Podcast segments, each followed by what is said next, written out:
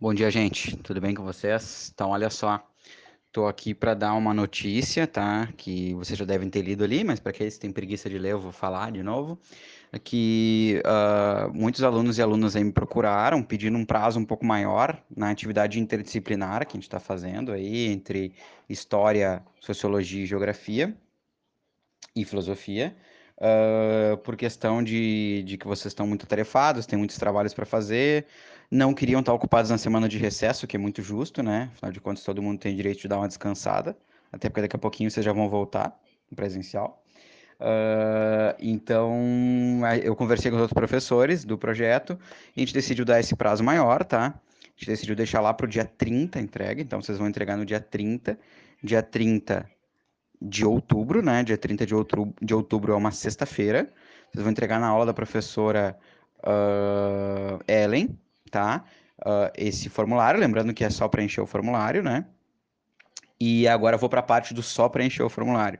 O que, que a gente quer no formulário de vocês, tá?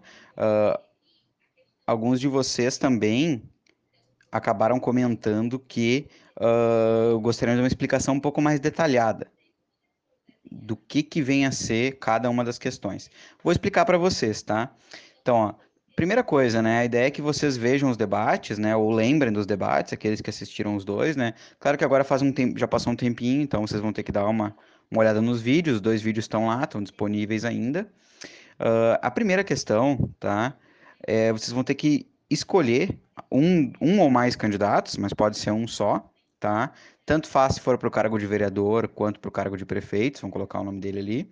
E a partir do que esse candidato trouxe, fazer uma reflexão ali uh, histórica das propostas, uh, como é que essas propostas se enquadram, elas dialogam com, com que ideologias políticas, de onde é que elas vêm, né? Filosoficamente, que importância elas têm. Então, pensar assim, de uma maneira mais geral, mais genérica, assim, tá?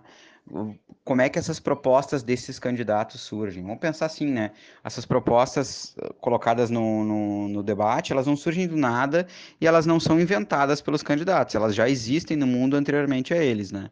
Então a ideia é justamente localizar. Vou dar um exemplo aqui, tá? Por exemplo, uh, um candidato que vai, vou usar o exemplo lá do, do, do, do do candidato Maroni lá, que queria defesa dos animais. Bom, a pauta dele era a defesa dos animais, mas ele não inventou a defesa dos animais, né? Essa pauta ela surgiu em algum momento histórico anterior a ele e ela tem objetivos que nem sempre não quer dizer que ele vai cumprir. Então, contextualizar um pouco melhor essa pauta, né? Tô dando só um exemplo, não precisa pegar esse exemplo, tá?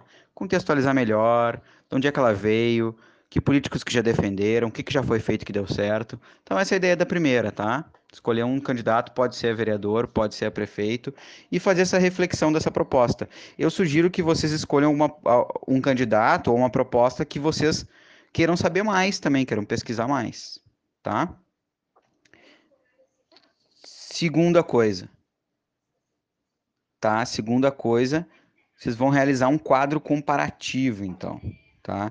Entre os vereadores e entre os prefeitos. Qual é a ideia aqui? É pegar, por exemplo, assim, ó, escolher um, uma ou mais áreas, ó, vou pegar o caso da saúde. O que, que os candidatos falaram sobre saúde? Aí vai colocar ali, eles discordaram, eles concordaram. No que, que eles discordaram? No que, que eles concordaram? Ah, o que, que eles falaram sobre educação? Tiveram divergências? Tiveram. Teve um debate ali de discordâncias, teve um debate de concordâncias.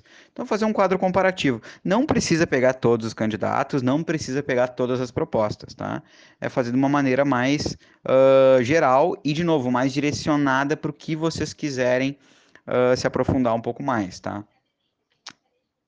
A terceira questão é um mapa conceitual. O que, que isso quer dizer? Depois de vocês terem feito ali, é tipo um mapa mental, né?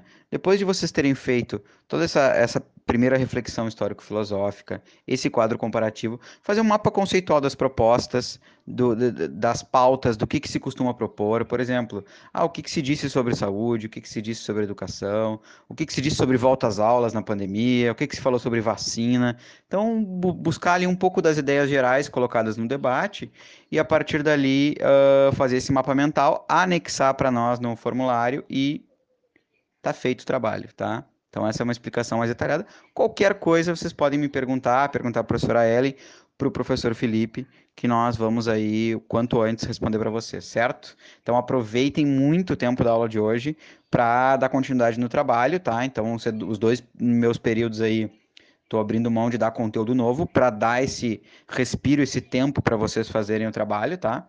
Então, aproveitem aí. Beijos e beijas. Tchau, tchau.